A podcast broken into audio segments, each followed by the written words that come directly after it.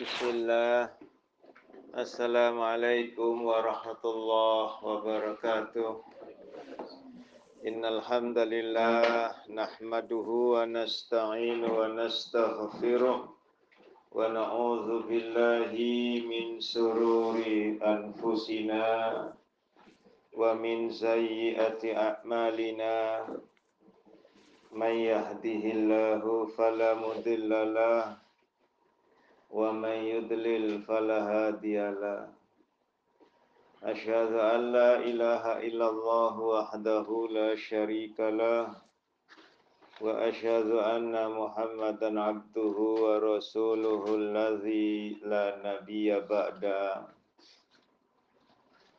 اللهم صل وسلم وبارك على نبينا محمد صلى الله عليه وسلم.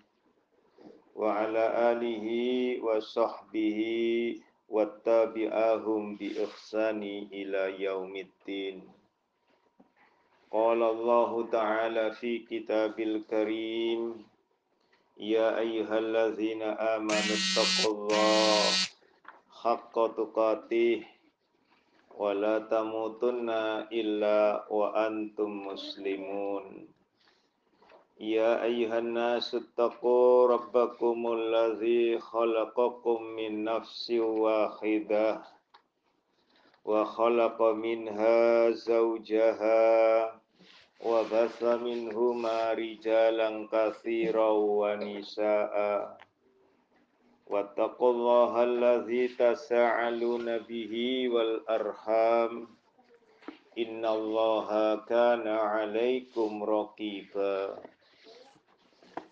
يا أيها الذين آمنوا اتقوا الله وقولوا قولا سديدا يصلح لكم أعمالكم ويغفر لكم ذنوبكم ومن يطع الله ورسوله فقد فاز فوزا عظيما أما بعد فإن أصدق الحديث كتاب الله وخير الهدي هدي محمد صلى الله عليه وسلم وشر الأمور محدثتها وكل محدثة بدعة وكل بدعة ضلالة وكل ضلالة في النار.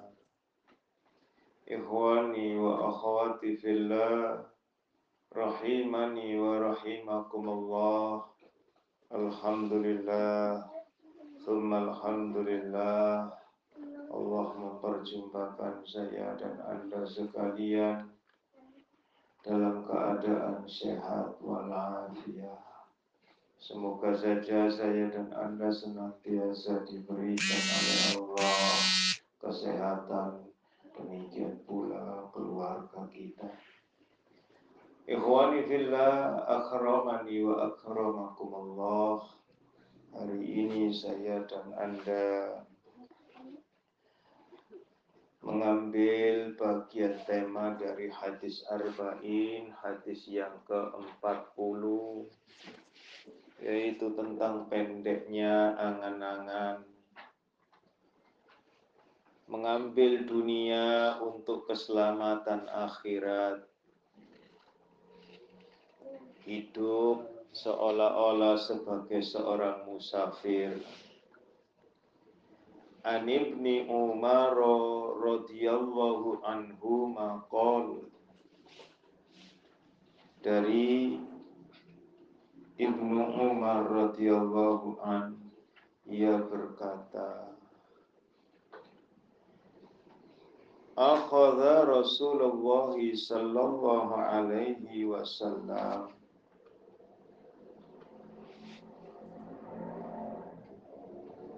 akhadha memegang Rasulullah sallallahu alaihi wasallam. Bimangki baya kedua pundakku. Fakola seraya beliau ini bersabda Kun jadilah fit dunya ini amr ya perintah pun jadilah fit dunya di dalam dunia ini. Ka'annaka seolah-olah engkau horibun orang yang asing. Horiba horib orang yang asing. Orang yang aneh ya au atau aribu sabilin. Orang yang menyeberangi jalan saja. Hanya sekedar menyeberang jalan. Di zebra cross gitu ya. Wakana dan adalah ia. Ibnu Um Ibnu Umar radhiyallahu anhu mayakul Ibnu Umar radhiyallahu an berkata Iza apabila amsaita engkau berada di sore hari Fala maka janganlah sesekali, janganlah sekali-kali tantaziris sobah menunggu subuh, menunggu hadirnya waktu subuh. Jadi di sini dikatakan, kalaulah saya dan Anda bisa melakukan hari itu, maka lakukan, jangan menunggu esok atau yang akan datang. Wa idza dan apabila asbahta kalian berada di waktu pagi, di waktu subuh. Fala maka janganlah sekali-kali tantadiris tantaziril masa ya kalian menunggu sampai waktu sore wahud dan ambillah min dari sihatika waktu sehatmu lima rodik untuk atau sebelum masa datangnya sakitmu. Wamin hayatika dan sebahagian dari hidupmu limautik sebelum datang kematianmu. Rawahul Bukhari nomor hadisnya 6000 416 6416 At-Tirmizi 2333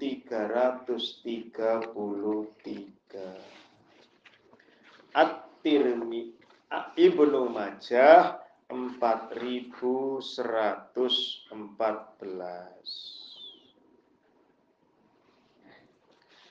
Ahmad 2 garing 24 dan 2 garing 41.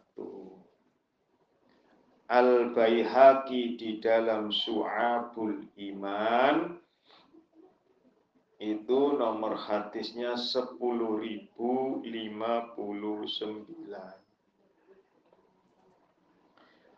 Al-Baghawi di dalam Sarhus Sunnah nomor hadisnya 4029.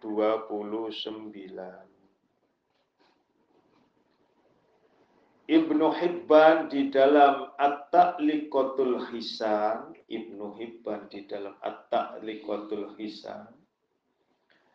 Nomor hadisnya 696.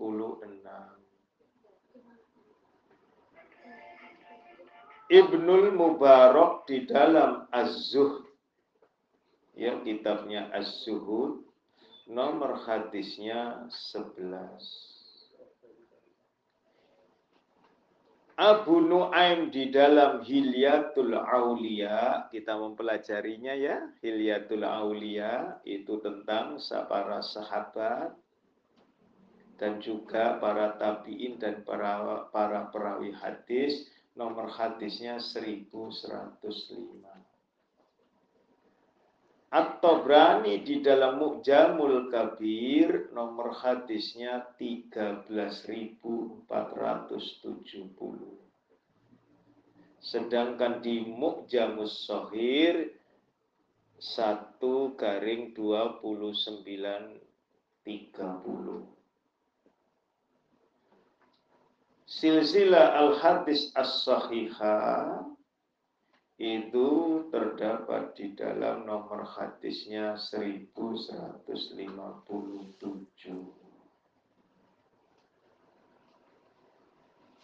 Ya. Berdasarkan hadis itu,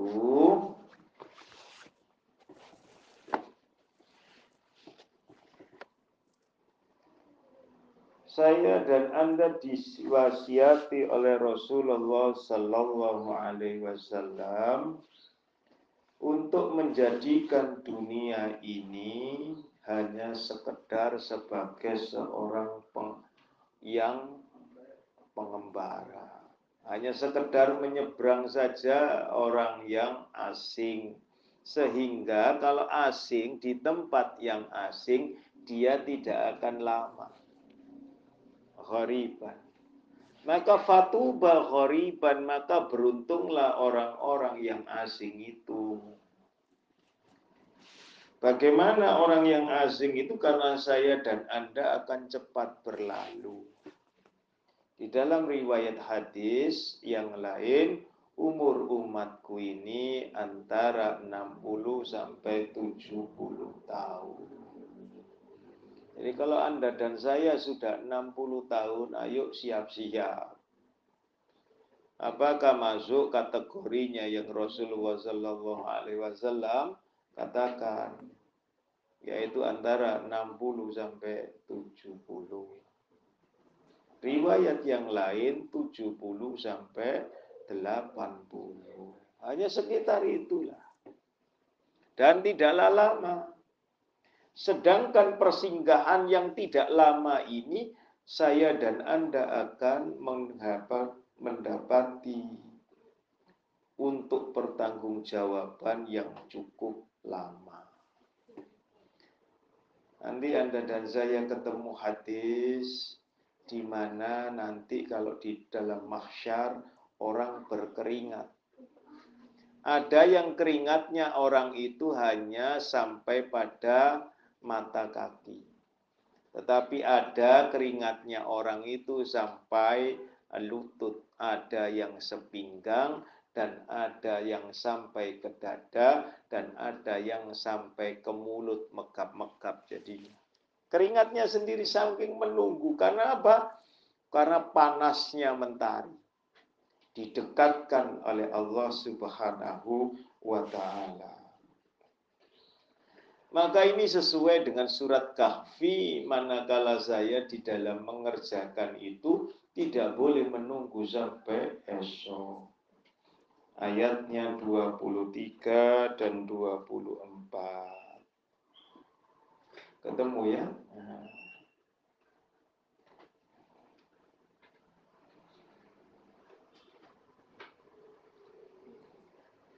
Silakan.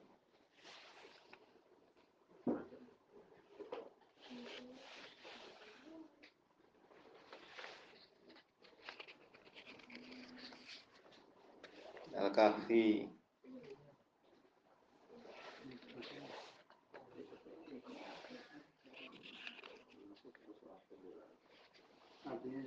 Iya boleh. Bismillahirrahmanirrahim.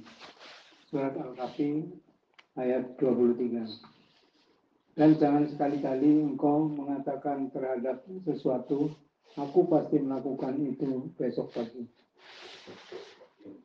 kecuali dengan mengatakan insya Allah Dan ingatlah kepada Tuhanmu apabila engkau lupa dan katakanlah, mudah-mudahan Tuhanku akan memberiku petunjuk kepadaku agar aku yang lebih dekat kebenarannya daripada ini. Perhatikan betul dalil itu bahwa sesungguhnya aku akan mengerjakan itu besok pagi. Saya dan Anda dikatakan jangan sekali-kali kalian mengatakan terhadap sesuatu sesungguhnya aku akan mengerjakan itu besok pagi. Tidak usah, belum tentu saya dan Anda besok masih hayat. Jadi ini namanya pendek angan-angan.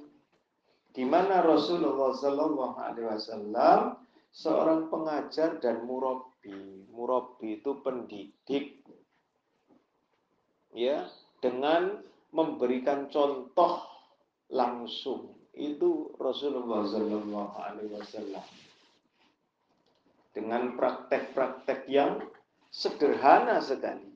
Itu Rasulullah Wasallam.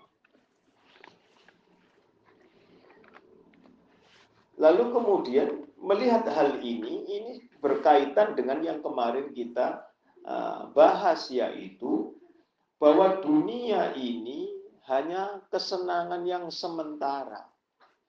Sedangkan akhirat itu adalah negeri yang kekal abadi. Surat Al-Mu'min. Ya. Surat Al-Mu'min atau disebutnya juga Al-Ghafir. Surat 40 ayatnya 39.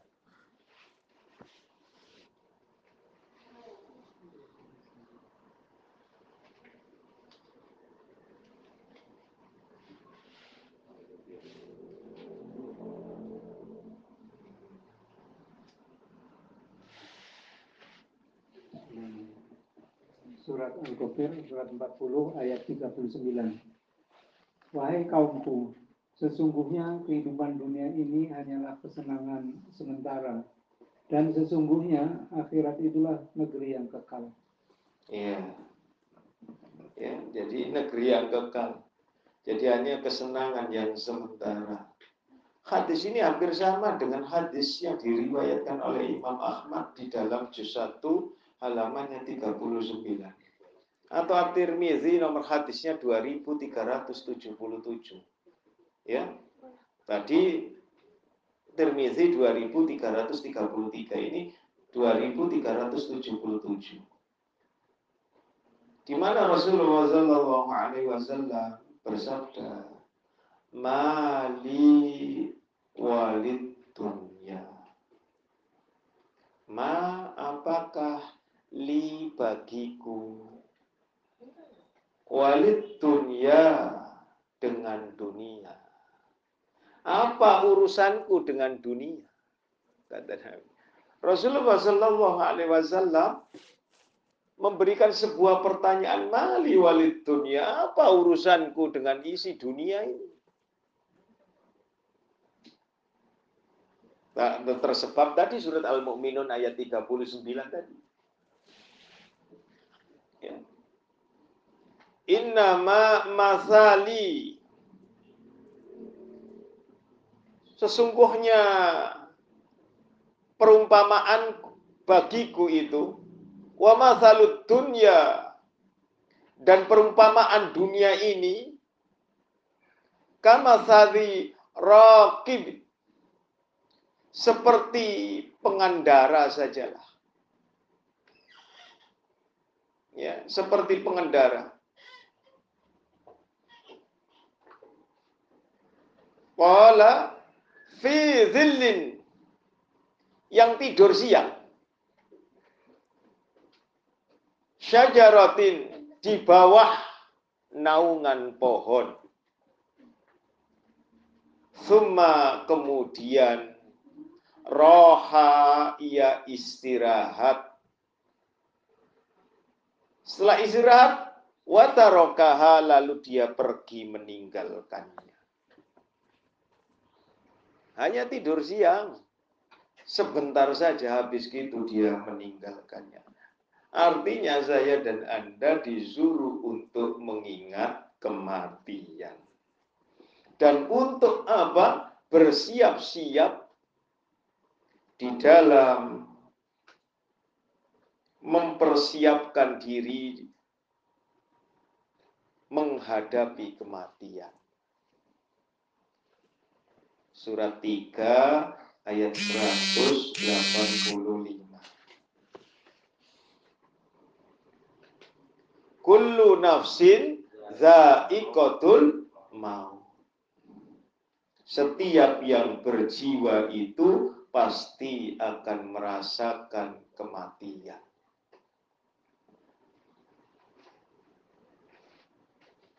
Juga demikian dalam surat Az-Zumar surat 39 ayatnya 30 Sesungguhnya kalian akan mati dan mereka juga akan mati. Semuanya akan mati.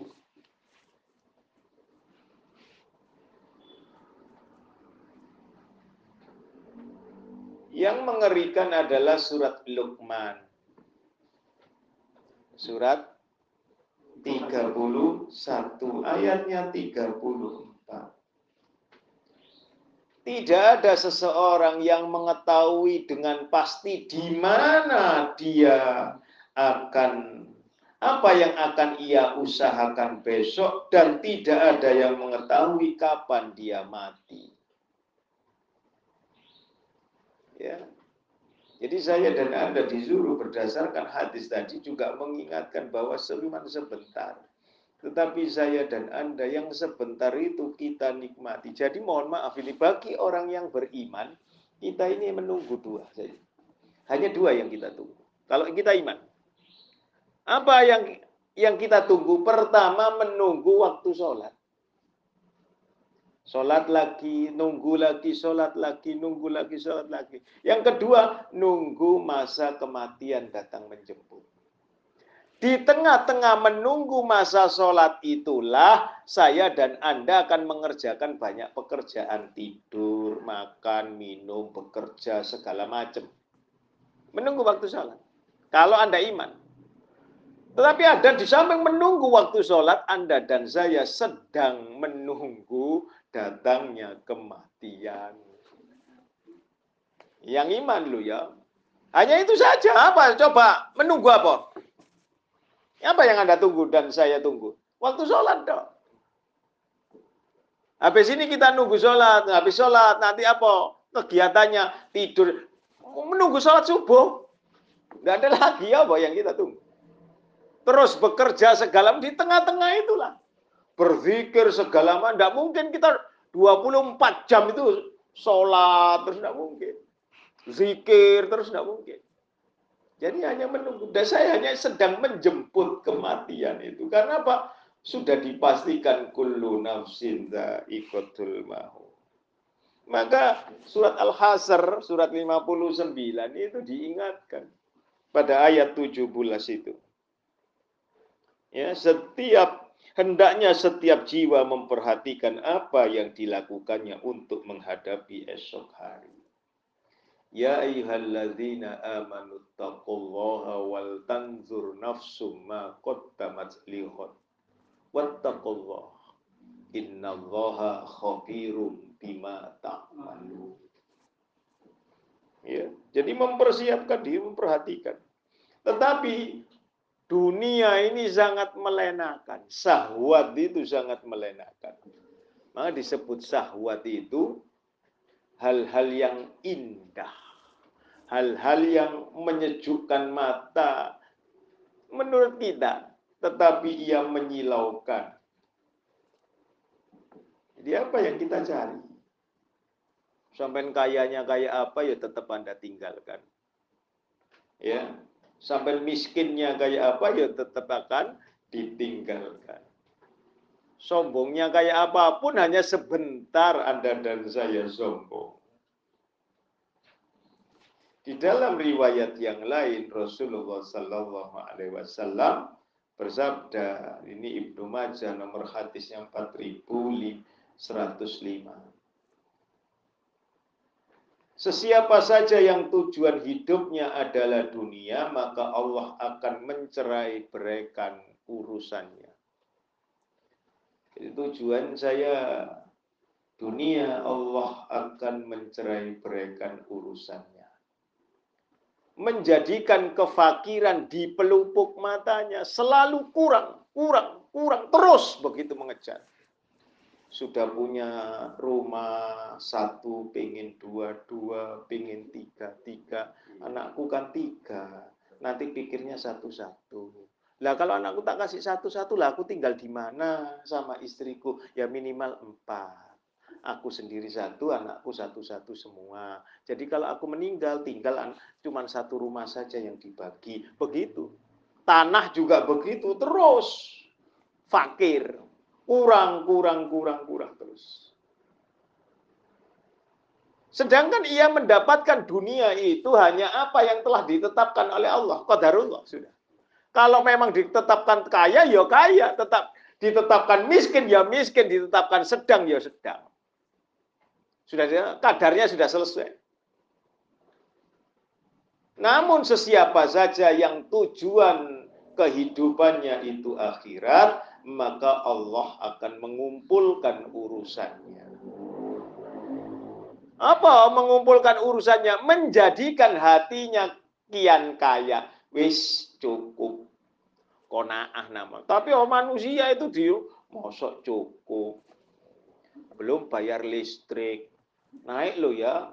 Sekarang belum bayar air. Terus terus begitu maka dunia akan mendatanginya dalam keadaan hina dina. Artinya apa? Dia hanya tersenyum, kurang ya sudah mau diapakan lagi. Tenang saja. Mau diputus listriknya ya sudah, putus saja. Nanti kalau ada rezeki disambung. Ya. Begitu. Lain makanya kona Allah yang mencukupkan. Tanpa bantuan Allah tidak bisa. Kita saya bisa menahan lapar katakan lebih. Saya bisa menahan lapar. Lah cucu saya bisa nggak menahan lapar? Nggak bisa. Bagaimana? Saya sakit, saya masih bisa bisa bertahan, saya bisa merasakan sakitnya. Tapi kalau jika anak kecil sakit, sakitnya di mana? Bingung kita resah, gelisah. Itulah Allah hendak menguji hambanya. Ya ada di dalam Sahih Al Bukhari bab Riko. Riko ini juga di dalam kitab Abu Unaisah, Ustadz Abu Unaisah, ya Abdul Hakim bin Amir Abdad Hafizahullah Ta'ala. Itu juga dikatakan di beliau mengambil perkataan daripada uh, Ali bin Abi Thalib irtahat lati ad-dunya. Sesungguhnya dunia ini akan pergi meninggalkan kita. Mudbiratun. Akan men pergi meninggalkan kita. Wartahalatil akhiratu mukbilah. Sedangkan akhirat itu pasti akan mendatangi kita. Walikulli wahidatin minhuma banunun. Masing-masing dari dunia dan akhirat itu memiliki anak-anak. Masa ada dunia punya anak, akhirat punya anak. Fakunu min abna'il akhirah. Maka hendaknya lah kalian menjadikan anak-anak akhirat itu Wala takunu dan janganlah menjadikan min abna dunya. Ya. Menjadi anak-anak dunia. Jangan menjadi anak-anak dunia. Fa innal yauma amalun Karena pada hari ini adalah hari amal. Wala hisabun tanpa hisab.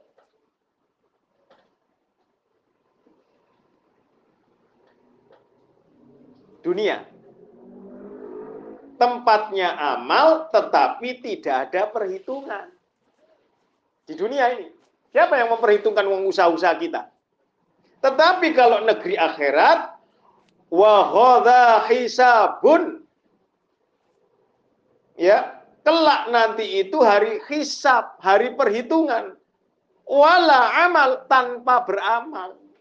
Diperhitungkan tapi kita tidak bisa berbuat. Sedangkan di dunia ini kita tidak diperhitungkan, bebas untuk berbuat. Saya dan Anda diingatkan demikian. Jadi tanpa batas ya. Tanpa batas. Dan itu masa-masa yang panjang dan menyulitkan.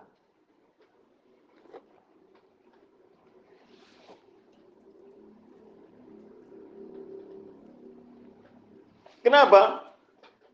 Mari saya dan Anda melihat doa kita. Nanti doanya anak Adam ini akan berdoa. Dalam surat 23 ayatnya 99 sampai 100. Al-Mu'minun. Ya. Kalau saya dan Anda sampai lalai, maka saya dan Anda akan berdoa kepada Allah Azza wa Jalla.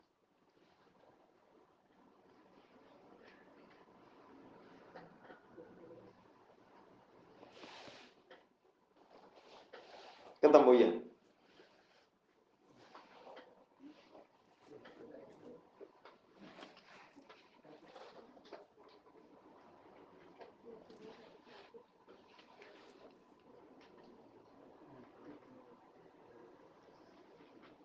Al-Mu'minun. Ya, ayatnya 99 sampai 100. Surat Al-Mu'minun surat 23 ayat 99. Demikianlah keadaan orang-orang kafir itu. Hingga apabila dengan kematian kepada seseorang dari mereka, dia berkata, Ya Tuhanku, kembalikanlah aku ke dunia ayat yang 100 agar aku dapat berbuat kebajikan yang telah aku tinggalkan sekali-kali tidak sungguh itu adalah dalih yang diucapkannya saja dan di hadapan mereka ada barzah sampai pada hari mereka dibangkitkan berdasarkan itu ada barzah yaitu kematian di mana saya dan Anda akan menginginkan ya Rob kembalikan aku ke dunia. Agar aku dapat berbuat amal soleh yang telah aku tinggalkan. Menyesal sudah. Ya. Surat 8, eh 6, coba ayatnya 158. Surat 6.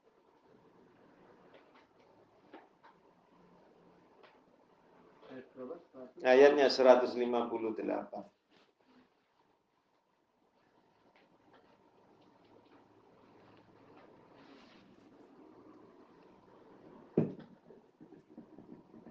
Surat Al-An'am, surat 6 ayat 158.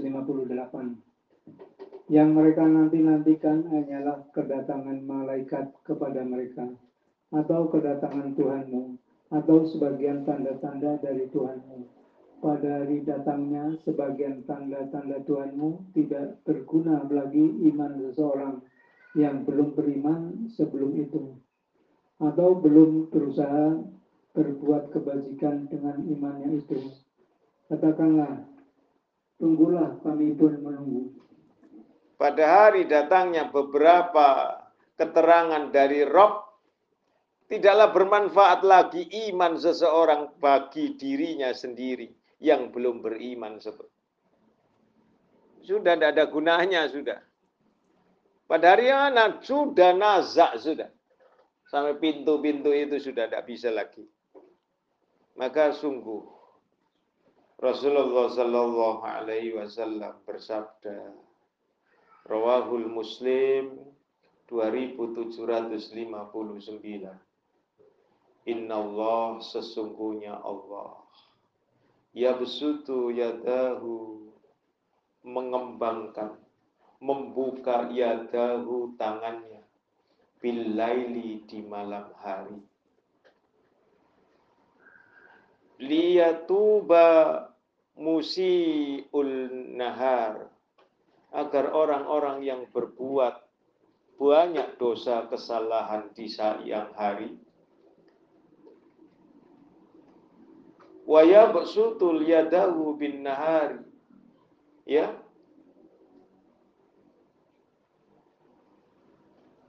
di mana manusia pada siang hari itu ber, yang berbuat salah itu untuk bertaubat dan Allah akan membuka tangannya di siang hari liyatuba untuk bertaubat musiul laili bagi orang-orang yang melakukan dosa dan kesalahan di malam hari. Hatta sampai tadlu as-samsu min maghribiha matahari terbit dari arah barat. Jadi Allah kalau malam hari Allah membuka tangannya agar kita, saya dan Anda yang berbuat dosa pada siang harinya mau bertobat. Dan Allah pada siang harinya membuka tangannya. Agar saya dan Anda ketika malam harinya berbuat dosa itu diterima tobatnya. Terus menerus artinya Allah selalu membuka tangannya bagi hamba-hamba yang bertobat. Maka sungguh benar apa yang dikatakan Rasulullah SAW bahwa sholat duha itu adalah sholat sunnah awwabin. Sholat sunnah bagi orang-orang yang suka bertaubat. Tapi berat, ya berat itu. Kalau udah udah sholat suruk itu bukan sudah boleh duha, suruk itu sudah boleh duha. Nah, bisa sholat duha lagi. Apa? Nah, sholat duha lagi. Kalau sudah suruk ya boleh sholat duha sampai batas zuhur. Berapa rokaat? Tidak disebutkan. boleh Ya. Sampai Allah menghendaki, seberapa banyak Allah menghendaki, bebas jadinya. Tapi ya kalau seperti Anda dan saya yang aktif begini ya hendaknya menjemput rizki. Juga menjemput rizki. Sesekali memang libur gitu ya. Nah, maka menjemput itu. Karena sudah manusia sifatnya seperti demikian. Yang kita rebut adalah jangan sampai di akhir hayat kematian kita ini kita melakukan perbuatan ahli neraka. Wis itu dok. Agar saya dan Anda diwafatkan dalam keadaan husnul khotimah surat 3 ayat berapa kemarin? 193 ya mohon diwafatkan berserta orang-orang yang berbakti. Itu husnul khotimah. Ya. Di mana kita sudah uh, sudah uh, membahas hal yang demikian itu.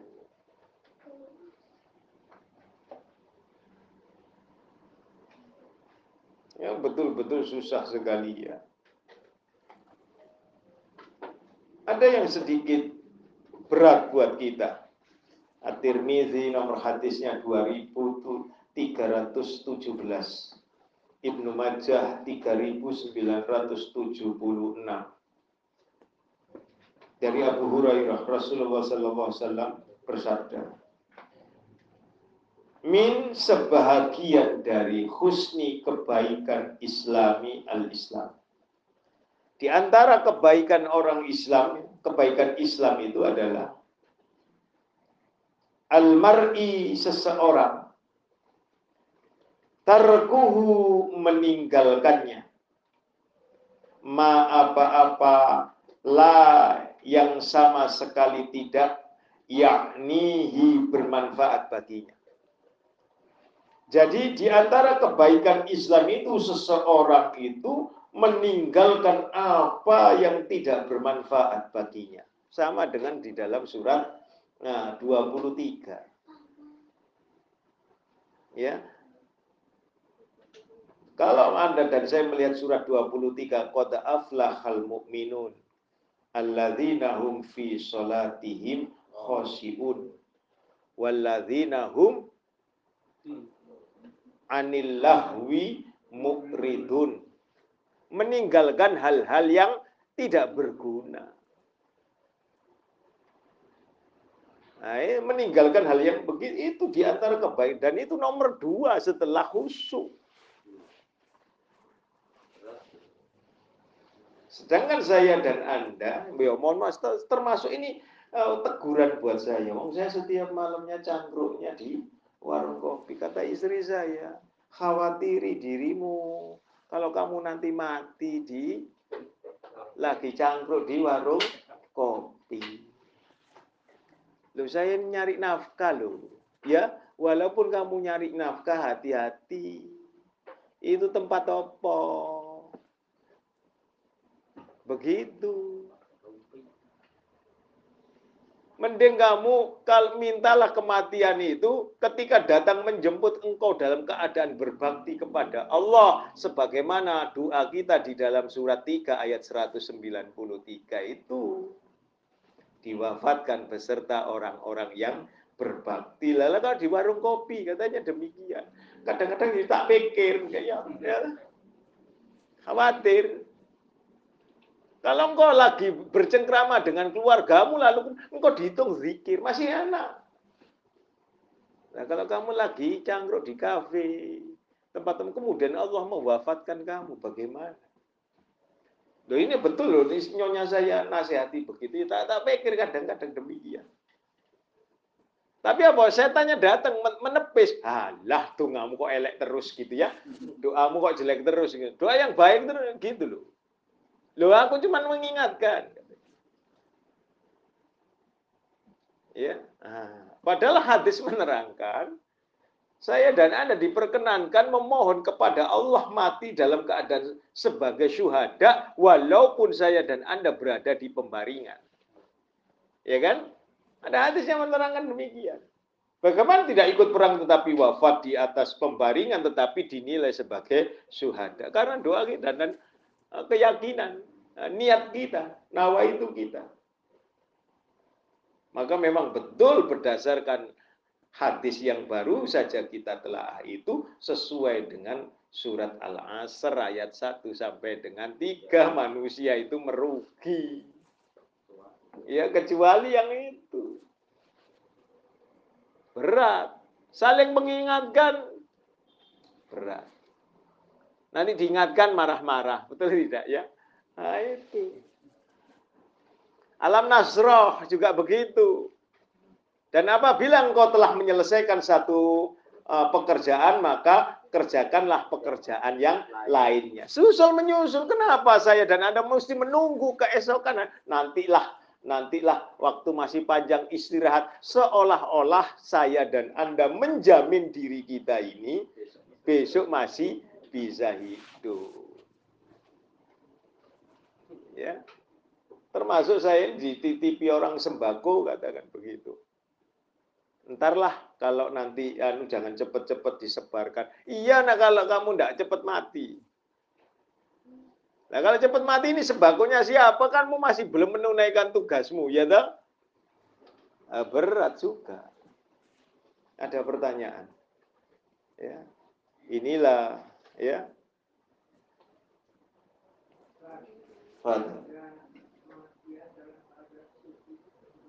Belum tentu dalam keadaan sujud kemudian husnul khotimah, belum tentu. Anda boleh lihat di dalam sifat sholat Nabi. Ada orang yang usianya eh, selama 60 tahun ia sholat tetapi tidak diterima apa sama sekali.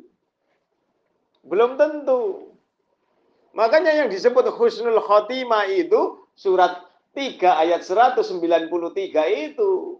Orang-orang yang berbakti, berbakti itu bukan menurut manusia tetapi menurut Allah dan Rasulnya. Anda dan saya seolah-olah itu padahal itu belum tentu.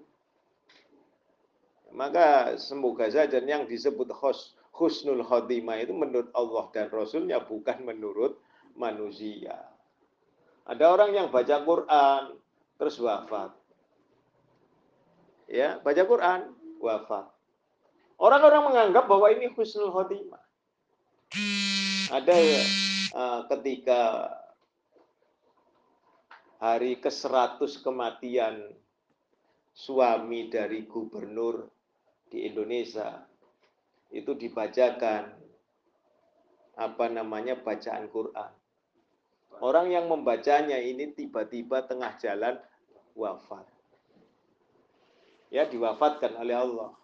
Orang-orang mengatakan bagus. Husnul khatimah. Ya doa kita karena sesama muslim semoga saja ia wafat husnul khotimah. Semoga saja karena dia sudah menerima laku. Tetapi secara dalil wong itu fahuwa raddun kok, ya dah? Tertolak. Nanti kelak akan ada banyak manusia yang pandai membaca Quran tetapi mereka meminta-minta balasan kepada manusia. Hadisnya lengkap di dalam muslim. Bagaimana ini? kira-kira. Ya semoga saja doa karena beliau sudah wafat maka doa kita semoga saja ia dirahmati oleh Allah. Bukan itu. Acaranya rodun. Tertolak. Betul tidak? 100 harinya. Kemudian bacaan Qur'annya tertolak dalam acara yang rodun. Acara. Ketiga apa? Lil fulusi. Nah, itu susah. Sampai di sini dahulu. Mari kita semakin waspada terhadap diri kita ini. Semoga saja Allah memudahkan langkah kita di dalam menuju husnul khotimah. Dan Allah memasukkan kita beserta seluruh keluarga kita ke dalam surganya Allah.